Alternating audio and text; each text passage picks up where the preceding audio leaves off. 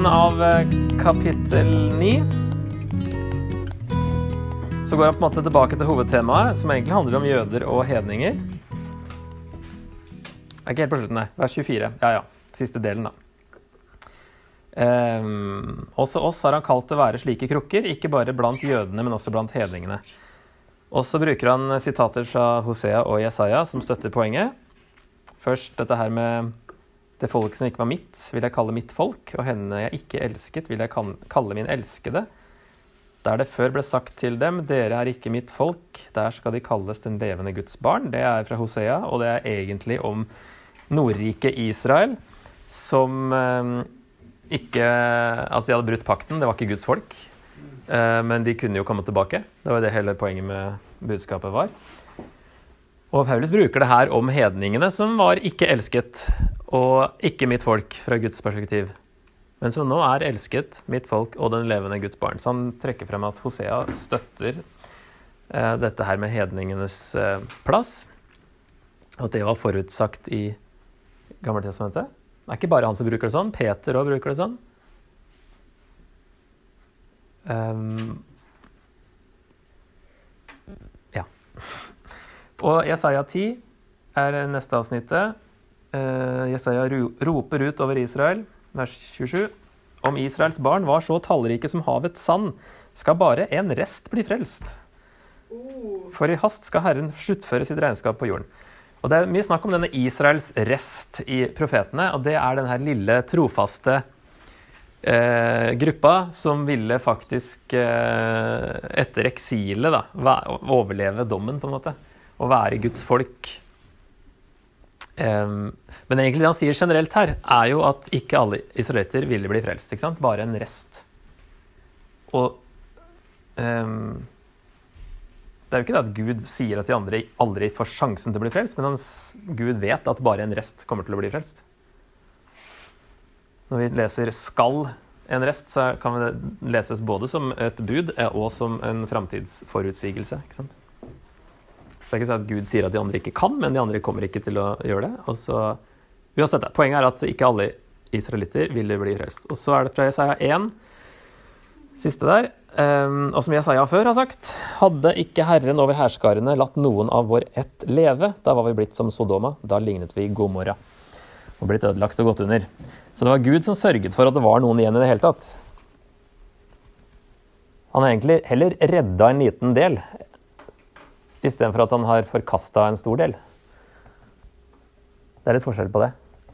Hadde ikke Gud latt det være igjen noen av Israel, så hadde jo ingen vært igjen. Det ser vi jo gjennom hele Gammeltestamentet, hvor eh, på tur de var hele tida. Hva da? Hva skal vi så si i vers 30? Jo, hedningene som ikke jager etter å få rettferdighet, de har vunnet rettferdighet, dvs. Si rettferdigheten av tro. Men Israel, som jaget etter loven for å vinne rettferdighet, nådde ikke fram. Hvorfor ikke? Fordi de holdt seg til gjerninger, ikke til tro. De støtte mot snublesteinen, slik det står skrevet. Se, på Sion legger jeg en snublestein og en klippe til fall. Men den som tror på ham, skal ikke bli til skamme. Så de gikk glipp av klimakset da, i frelseshistorien sin. Og dette her var også forutsagt i Gammeltestamentet i Paulus, da, med å trekke fram det her fra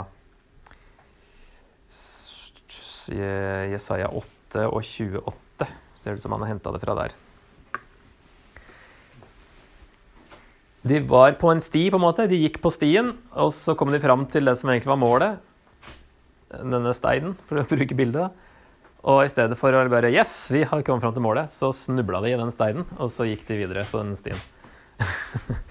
de skjønte ikke at Jesus var oppfyllelsen fokuserte så mye på stien at de ikke så liksom, hvor de var på vei, egentlig.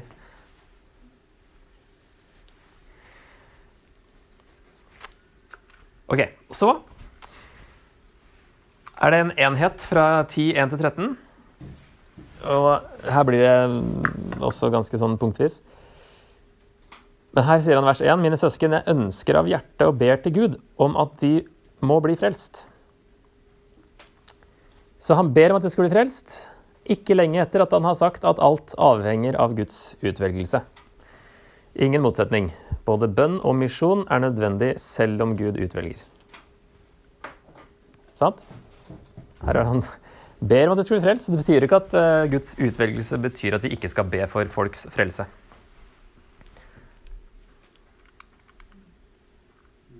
Bedre å ta det vi er sikre på, enn uh, å henge oss opp i det vi er usikre på, hvordan utvelgelse skal tolkes. Så i hvert fall sikre på at vi er kalt til misjon.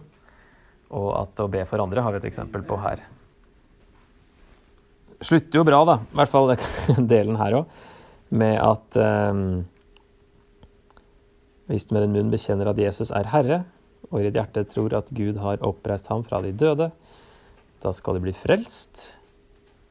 Og det òg er klart fra Gammeltestamentet, at det siste verset, altså vers 13, fra Joel Hver den som påkaller Herrens navn, skal bli frelst. Og Herren i avsnittet her, det er jo Jesus, for den som sier at Jesus er Herre.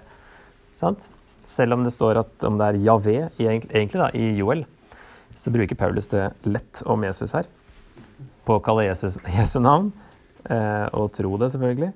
Da blir du frelst. Og ikke ved rettferdigheten som eh, som han sier i vers eh, 2, at de prøver og de vil bygge opp sin egen rettferdighet. Derfor har de ikke bøyd seg under rettferdigheten fra Gud. Men for Kristus er lovens ende og mål, så hver den som tror, skal bli rettferdig. Kristus var både det loven pekte mot, og eh, ble oppfylt av Altså, han oppfylte loven, og det var det loven hele tida pekte mot. Så lovens tid er over, men de prøver fortsatt å bygge opp sin egen rettferdighet. Og har ikke bøyd seg for Guds rettferdighet, som er å påkalle Jesus som Herre. Og forstå det. Så kommer det noen kjente vers videre òg. 14, siste delen av vers kapittel 10. Men hvordan kan de påkalle en de ikke tror på? Ikke hvis de skal bare påkalle Herrens navn, så skal de bli frelst. Hvordan kan de det hvis de ikke tror på Han? Hvordan kan de tro på en de ikke har hørt om? Og hvordan kan de høre uten at noen forkynner? Og hvordan kan de forkynne hvis de ikke er utsendt? Det står jo skrevet hvor vakre de er, føttene til dem som bringer godt budskap. Og der er jo ordet evangelium brukt da på, i den greske oversettelsen under godt budskap. Men ikke alle var lydige mot evangeliet. Jesaja sier, 'Herre, hvem trodde vårt budskap?' Så kommer da troen av det budskapet en hører, og budskapet kommer av Kristi ord. Så her er en sånn rekke. Vi blir utsendt for å forkynne, sånn at folk kan høre, komme til tro, så de kan påkalle Jesus, sånn at de kan bli frelst. Bare Paulus går motsatt vei, da, i sin eh, rekke. Så det sier han, det her er liksom rekka. ikke sant? Så misjon er nødvendig, selv om Gud utvelger. Vi må jo ut og forkynne, vi må, sånn de kan høre og tro. Sant? Og så spør han videre ja, har de ikke hørt? Spør jeg så. um, kan omformulere det da, som at kanskje jødene aldri fikk sjansen til å svare på evangeliet fordi de aldri hørte det. Og det er Paulus sitt svar. Jo, sannelig. Og så siterer han Salme 19. Deres røst har nådd ut over hele jorden, ordene dit verden ender. I Salme 19 er jo det egentlig om Guds generelle åpenbaring, skaperverket. At uh, det er Guds røst som når ut over hele jorden. Fordi alle det er romerne 1 igjen, ikke sant? alle kan høre Guds røst i skaperverket. Men så virker som Paulus så bruker det som et bilde på at evangeliet, den spesielle åpenbaring, har blitt forkynt på samme måte over hele jorden. I Romerne 1,8 så sier han at deres tro er kjent over hele verden. Og det samme i Kolosserne bruker, altså snakker om at eh, eh, evangeliet blir forkynt for all skapning, all skapning, står det vel i 1.23. Kolosserne 1,23. Sånn at, eh, Nå tenkte jo de at Romerriket var hele verden også. da. Og det er jo de jødene han snakker om. Jødene i Romerriket. Men det er jo en, uansett en sannhet at, en, at skaperverket har forkynt over hele kloden. Så han sier at nei, alle jødene har hørt, for vi har vært rundt i hele Romerriket, vi. Apostlene. Generelt har alle hørt når han skriver dette her. Det gikk ganske fort til de hadde vært og reist rundt, og generelt fortalt alle. Kanskje ikke hvert eneste individ, men i hvert fall så hadde alle jøder mulighet til å snakke med en jøde som hadde hørt det. Hvis man ikke hadde hørt det sjøl. Men Paulus er ganske sikker på at nei, alle har hørt. Det er ikke unnskyldningen. De hadde fått mange muligheter. Ok, Vers 19. Men så spør jeg, kanskje Israel ikke har forstått det? Ok, så Kanskje de hørte det, men kanskje de ikke forsto evangeliet. Og det er jo fortsatt noe vi kan tenke på i misjon i allerede kristne land. ikke sant? Norge òg. Det er mange som ikke har forstått evangeliet. Vi har jo til og med vi har jo fått noen nye oppvåkninger denne uka. når vi forstår evangeliet på en ny måte. Så det er jo mange som har hørt evangeliet, som ikke har forstått det. Og da er Paulus sitt svar til det eh, Først sier Moses, 'Jeg vil egge dere til misunnelse mot dem som ikke er et folk', altså hedningene. På et uforstandig folk gjør jeg dere rasende. Så her hedningene er eh, uforstandige og egentlig ikke et folk. Og Jesaja går så langt at han sier, 'Jeg ble funnet av dem som ikke søkte meg', og åpenbarte meg for dem som ikke spurte etter meg. Men om Israel sier han, Hele dagen rakte jeg hendene ut mot et ulydig og gjenstridig folk. Så hedningene, et uforstandig folk, de forsto det jo. Det var ingen grunn til at jødene ikke skulle ha forstått budskapet. Når et uforstandig folk skjønte det, og de som ikke søkte Gud engang, og spurte etter Gud, de fant Gud.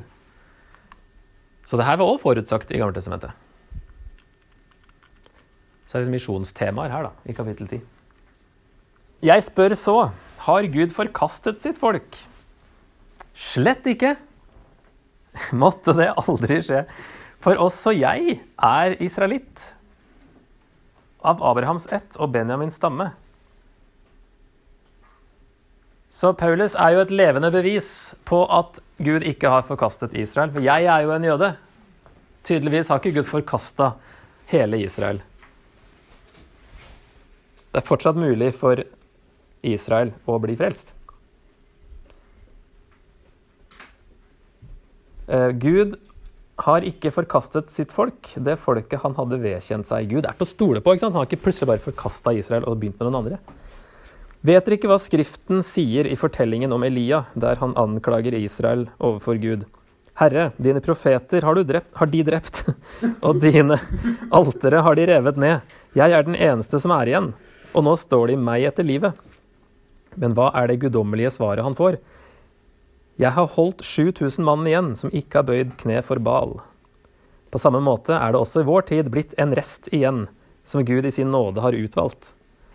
Og er det av nåde, er det ikke på grunn av gjerninger, ellers var ikke nåden lenger nåde. Så her har Gud på samme måte som i Gammeltestamentet, og som Paulus bruker jo Gammeltestamentet her, og sier at på samme måte er det også i vår tid blitt en rest igjen som Gud i sin nåde har utvalgt. At det hele tatt skulle være noen, er fordi Gud er god og har utvalgt noen. Ellers ville alle ha gått til grunne. Så Gud har i sin nåde utvalgt og spart en rest av Israel, de troende jødene, de rette jødene, som han kaller dem i slutten av kapittel 2. Og vers eh, 7. Hva så?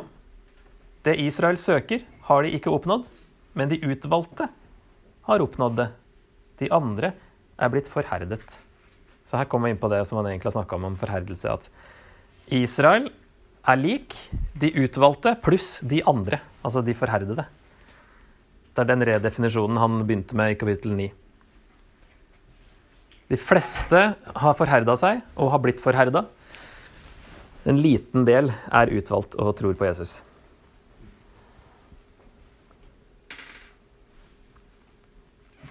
Eh, og så spør han videre i vers 11. Så spør jeg. Det er veldig fint med de spørsmålene til Paulus. Retoriske spørsmål som eh, vi henger med på, på resonnementet hans. Og han, han eh, tenker seg at de kommer til å stille de samme spørsmålene de, han skriver til. Vers 11, altså. Så spør jeg, snublet de for at de skulle falle? Altså å bli liggende. Er alt håp ute? Slett ikke. Nei, deres fall gjorde at frelsen kom til de andre folkene. Og så skulle jødene bli misunnelige på dem. Så jødenes eh, vers 12 altså, Når deres fall har ført til rikdom for verden, og deres tap til rikdom for de andre folkene, hvor mye mer skal det ikke da bety at de kommer med i fullt tall? Så jødenes frelse er veldig positivt for hedningene, akkurat som at faraos forherdelse var positivt for Guds plan og vet, eh, til slutt frelsen, menneskers frelse. Så har det her ført til at frelsen kom til de andre folkene. Selv om vi leste andre steder, efeserne, at Gud alltid har hatt den planen. Er ikke, vi er ikke plan B, vi hedninger. Men det her var en del av Guds plan. At uh, når jødene avviste, så var det større mulighet for hedningene. på en eller annen måte. Det har ført til rikdom for verden og for de andre folkene. Men hvor mye mer skal det ikke da bety at de kommer med i fullt tall? Det er jo enda bedre om de kan uh, uh, reise seg igjen etter å ha falt. De ligger når de ikke tror på Messias. De kan, de kan, reise seg igjen. Det er ikke over og ut. Alt håp er ikke ute. Ja, Så sier han det med misunnelse videre. Jeg sier dette til dere som tilhører hedningefolkene. Så sant, altså vers 13. Så sant som jeg er hedningenes apostel, setter jeg min tjeneste høyt, i håp om å kunne egge mitt eget folk til misunnelse og frelse noen av dem. Er det blitt til forsoning for verden at de ble forkastet? Hva må det ikke da føre til at de blir godtatt? Jo, liv av død. Er det første brødet hellig, er hele deigen hellig. Er roten hellig, er greinene det også. Altså Israel er hellig i den betydningen satt til side pga. forfedrene sine Det er vel det bildet betyr her. Første brødet og roten er de som Altså Abraham, Isak og Jakob og de tolv stammene som Gud utvalgte. Sånn at Israel er fortsatt eh, satt til side for Gud. Hellig betyr jo ikke syndfri. sant? Når det gjelder Gud, så betyr det syndfri, for han er adskilt fra synd. eh, men er satt til side for Noen av greinene er nå brukket av, og du som var en vill oljekvist, alle vi hedninger, vokste på et annet tre, er blitt podet inn blant greinene og har fått sevje fra roten sammen med dem. Men innbill deg ikke at du er bedre enn greinene. Dere hedninger, ikke innbill dere at dere er bedre enn jødene. Gud er ikke ferdig med Israel, ikke sant? og de er jo de naturlige greinene. Gjør du det, så husk at det er ikke du som bærer roten, men roten som bærer deg. Så de må ikke være arrogante overfor jødene, sier han her. Kanskje vil du si greinene ble brukket av for at jeg skulle bli podet inn. Ja, erstatningsteologi, sant? Ja vel, men det var deres vantro som gjorde at de ble brukket av. Og det er din tro som gjør at du blir stående. Vær ikke overmodig, men frykt Gud. Sparte han ikke de naturlige greinene, skal han heller ikke spare deg. Så ser du at Gud er både god og streng. Streng mot den som er falt, men god mot deg dersom du holder fast på hans godhet. Ellers blir også du hogget av. Men også de andre skal bli podet inn dersom de ikke holder fast på sin vantro. For Gud har makt til å pode dem inn igjen. Så det er ingen forskjell på jøder og hedninger angående hvordan man, blir, hvordan man forblir en del av Guds folk. Det er alltid ved tro. ikke sant? Vi er podet inn. Ville kvister har blitt en del av Guds folk ved tro. Vi blir bare stående ved tro. Jødene har blitt brukket av fordi de ikke trodde, altså de fleste jødene. Brukket av dette treet, som er Guds folk, fordi de ikke trodde. Men de kan jo lett som bare det få tilbake plassen sin, bare de tror. Gud har ikke tenkt at de kvistene skal bli liggende der for alltid. Så ikke kastes på bålet ennå. Nei. Så det er viktig å få fram her òg at Gud eh, Det er bare ett tre Altså, Gud har bare ett folk i denne, dette Israel-spørsmålet. Gud har ikke to folk.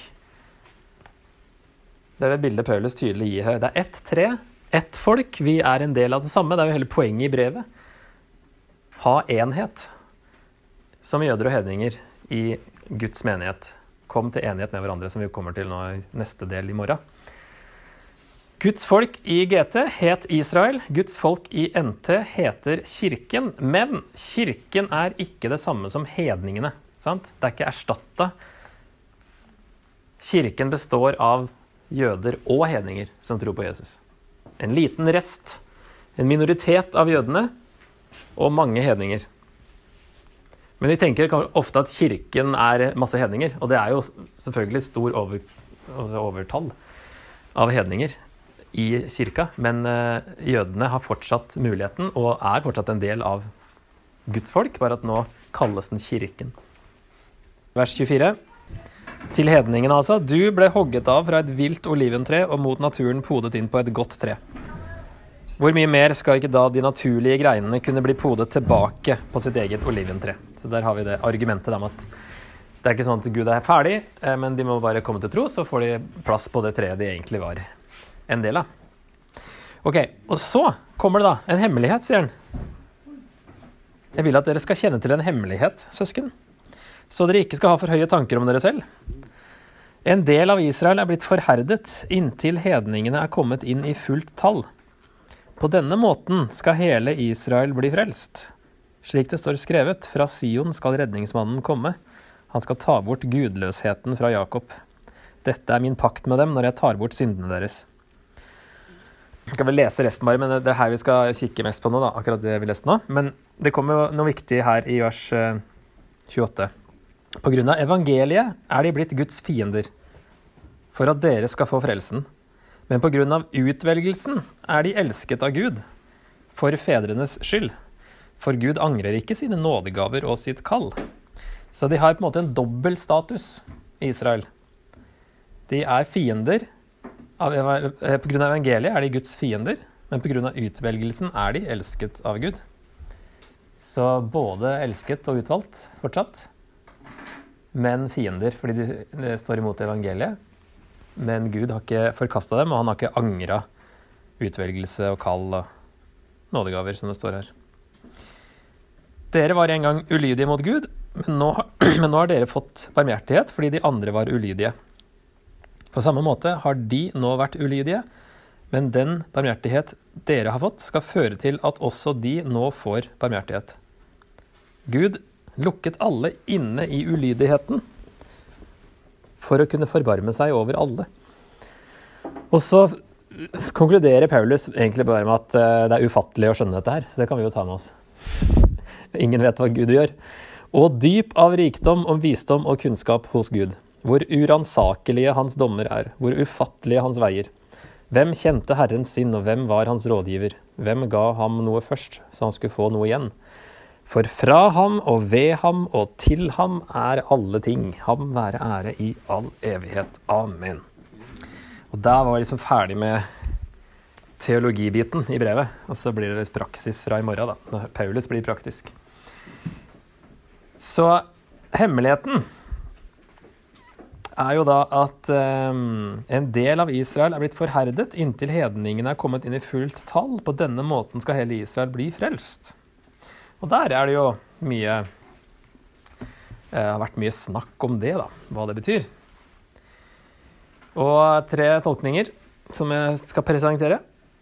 Så kan dere jo se om dere vil lande på en av de, eller la spørsmålet stå ubesvart. Det kan vi jo nevne en gang til. Det er ikke meninga at vi skal forstå alt med en gang. I hvert fall ikke her, i disse kapitlene. Det er mange sånne mysterier um, som ikke er like tydelige for oss, kanskje. Så en tolkning er jo at dette er, altså hele Israel her er det etniske Israel, da. Eh, fordi det er ment etnisk i vers 25. En del av Israel er blitt forherdet. På denne måten skal hele Israel bli frelst. Og i vers 28 at eh, mener, mener jo etniske Israel, i hvert fall da, i vers 28. Så både før og etter så virker det som han snakker om etniske Israel. Og egentlig hele brevet får vi inntrykk av, da, unntatt i 9.6. Så det er jo et unntak der, når han sier at ikke alle som er av Israel, er virkelig Israel. Men det er kanskje unntaket. Og da tolker man det som at hele Israel er både troende Israel og forherdede Israel. At det skal komme en, en slags vekkelse da, over eh, det forherdede delen òg. Som vil gjøre at eh, hele Israel Nå vil jo ikke det si alle jøder som har levd til all tid, sant? men så da må man forstå hva Paulus i så fall mener med det. Når, hvis det skal skje en gang i framtiden, så må det være alle som er i live da. Som det skal, at det skal bli en stor vekkelse i, blant jødene. Og i noen oversettelser, jeg vet ikke om det står det i noen av de dere har, men at det står i vers 26 Her står det 'på denne måten'. Slik. Ja. Ja, nemlig. Så det er snakk om en måte Står det så? Ja. ja. Og det er fordi det, gang, Tidligere har det stått 'og så skal hele Israel bli frelst', og så tenker man at uh, etter dette her, så skal hele Israel bli frelst. Men det er ikke tidsangivelse at det skal skje etterpå. Det er en måte. Så på denne måten. Derfor er det på denne måten eller slik eh, bedre oversettelse, tror jeg. Uh, Og at det som kommer etter kolon her, da, at sitatet er måten det skal skje på. At det skal jo skje med, eh, med tro på Jesus, det òg. Altså, redningsmannen som kommer fra Sion osv. Um, at det ikke er en annen måte å bli frelst på. Men det er fortsatt tro på Jesus. Det må vi i hvert fall ha med uansett. Så måten blir da at mesteparten er forherdet, mens hedninger blir frelst. Og så fører det kanskje da til det som Paulus snakka om, at jødene blir misunnelige, og så blir de frelst. Det som han håper på hele veien. da. Å egge til misunnelse, at det er en god ting. Få de til å bli misunnelige på alle hedningene som uh, blir kjent med deres gud. Altså Egentlig så jobber han jo hele veien oppover den trappa ikke sant? Eh, til at i morgen så skal han snakke om eh, hva det her har å si for at de skal, skal kunne leve i enhet, jøder som tror på Jesus, og hedninger som tror på Jesus. Så Det er jo det han er på vei mot. Forene dem. Og alle tror på Jesus. Og så sier han nå kanskje til hedningene at dere må ikke bli for arrogante og tro at dere har erstatta jødene. Fordi eh, det kan hende at noe skal skje i framtiden eh, med jødene. Altså Gud har ikke glemt dem. De, fortsatt, de, er fortsatt hans, de er fortsatt utvalgt. Fortsatt kan de bli en del av Guds folk hvis de kommer til tro. Se på meg, jeg er jo et eksempel. Og en hemmelighet er at uh, hele Israel skal på en eller annen måte bli frelst når hedningenes hedningene er kommet inn i fullt tall. Altså når det tallet på antall hedningekristne er uh, i Guds Bare Gud som heter tallet. Når uh, Gud syns at nå er på tide å altså Det vil jo si at da er gjenkomsten ganske nærme. Hvis Gud ikke vil at flere hedninger skal bli frelst, så tror jeg det ikke er så mye tid igjen heller. Og da, kanskje helt på slutten da, så kan det være da at eh, det blir en uh, oppvåkning av alle jøder som lever på den tida, muligens. Ok, Tolkning to er at det er snakk om det åndelige Israel, som da blir kirken. Skal vi se i uh, de her referansene her 4.11. Omskjærelse. Ja, far til alle uomskårne. Så han kaller de at, Abraham, at det åndelige barn til Abraham er hedningene. ikke sant? Det er utover mange steder her som vi har sett. Og i første Korinterbrev, og i Filipperbrevet og i Galaterbrevet. Og Filipperne en gang til. um, der han snakker om Her Filipperne er vel Israel etter kjødet, tror han sier. Eller fysiske Israel, eller noe sånt. Og det virker som at han må forklare hvilket Israel han snakker om. Altså, dette er fysiske Israel. Og så kan man tenke at eh, de andre referansene her støtter det at man kunne, og at Paulus òg kunne tenke på det åndelige Israel da, når han skriver. Og så er det Galaterne 6,16, og så er det en liten uh, detalj som kan peke i den retningen. Fred og barmhjertighet være med dem og med Guds Israel. Og I så fall blir hele Israel Utvalgte jøder, altså troende jøder, og utvalgte hedninger fra alle generasjoner. Og Måten det skjer på, er at mesteparten er forherdet, mens noen få jøder pluss mange hedninger blir frelst. Og, så da har vi liksom, Her har vi jøder, men fysiske jøder. Her har vi Israel, eh, men i betydningen kirken åndelig Israel som kirken. Og så har vi åndelig Israel, kanskje, eller troende Israel, da, de som han har snakka om tidligere. De, den lille resten av eh, Israel som faktisk tror på Jesus. Eh, som vi har sett at han redefinerer både i kapittel 2 og i kapittel 9 til å gjelde de som faktisk tror. Og da blir hele Israel alle utvalgte jøder fra alle generasjoner. Og måten det skjer på, er at mesteparten blir forherdet, mens det virkelige Israel blir frelst, slik det står skrevet, kolon, altså sitatet som snakker om Messias, selv om ordet ikke brukes ikke, men redningsmannen som skulle komme. Um, så må vi tenke litt på hva, hva, hva, passer best inn i konteksten av hva Paulus Altså det er en hemmelighet som, skal, uh, som han forteller her, så at hedningene ikke skal bli for arrogante. Eh, hva svarer best på det? Det vet ikke om jeg har landa på. Ja, da har jeg lagd noen eh, tidløse sannheter som dere kan ta videre. Og det er jo det vi har sett på nå, da, at Gud har bare ett folk, og du er en del av det. Det kan være greit å vite hvis du var i tvil. Om at du er en eh, del av det ene treet, det ene folket som Gud har. Og så har vi sett at vi kan alltid stole på Gud. Han holder alltid det han lover, selv det han lovte for 4000 år siden. Det er det Paulus har vist, at uh, Guds uh, løfter har ikke slått feil. Vi hadde bare misforstått. Det kan hende at vi har misforstått andre ting. De misforsto Messias. ikke sant? Forventa en annen type Messias. Derfor har de ikke skjønt at det var Jesus som var Messias. Uh. Og så er det jo også greit at etter alt det her litt kompliserte, de tre kapitlene, så er det det Paulus avslutter med. at han, Konklusjonen hans er jo dette med at Guds veier er ufattelige. Og det fører til at Paulus uh, sier da 'ham være ære i all evighet'. Vi skjønner ikke hva Gud driver med. Ja, det står vel et amen der òg. det er ufattelige, men vi gir han ære likevel. Vi kan gi Gud ære fordi han vet hva han gjør, selv om vi ikke skjønner det. Han har hatt en plan hele veien. Også et spørsmål da, som er eh, litt mer konkret. Bør du endre hvordan du tenker om Israel og jødene? Eh, så har det du har sett i kapittel 9-11 gjort noe med det? Om du har skjønt at du må justere oppfatningen litt av eh, Israel og jødene i dag? Så det kan jo være en veldig konkret utfordring.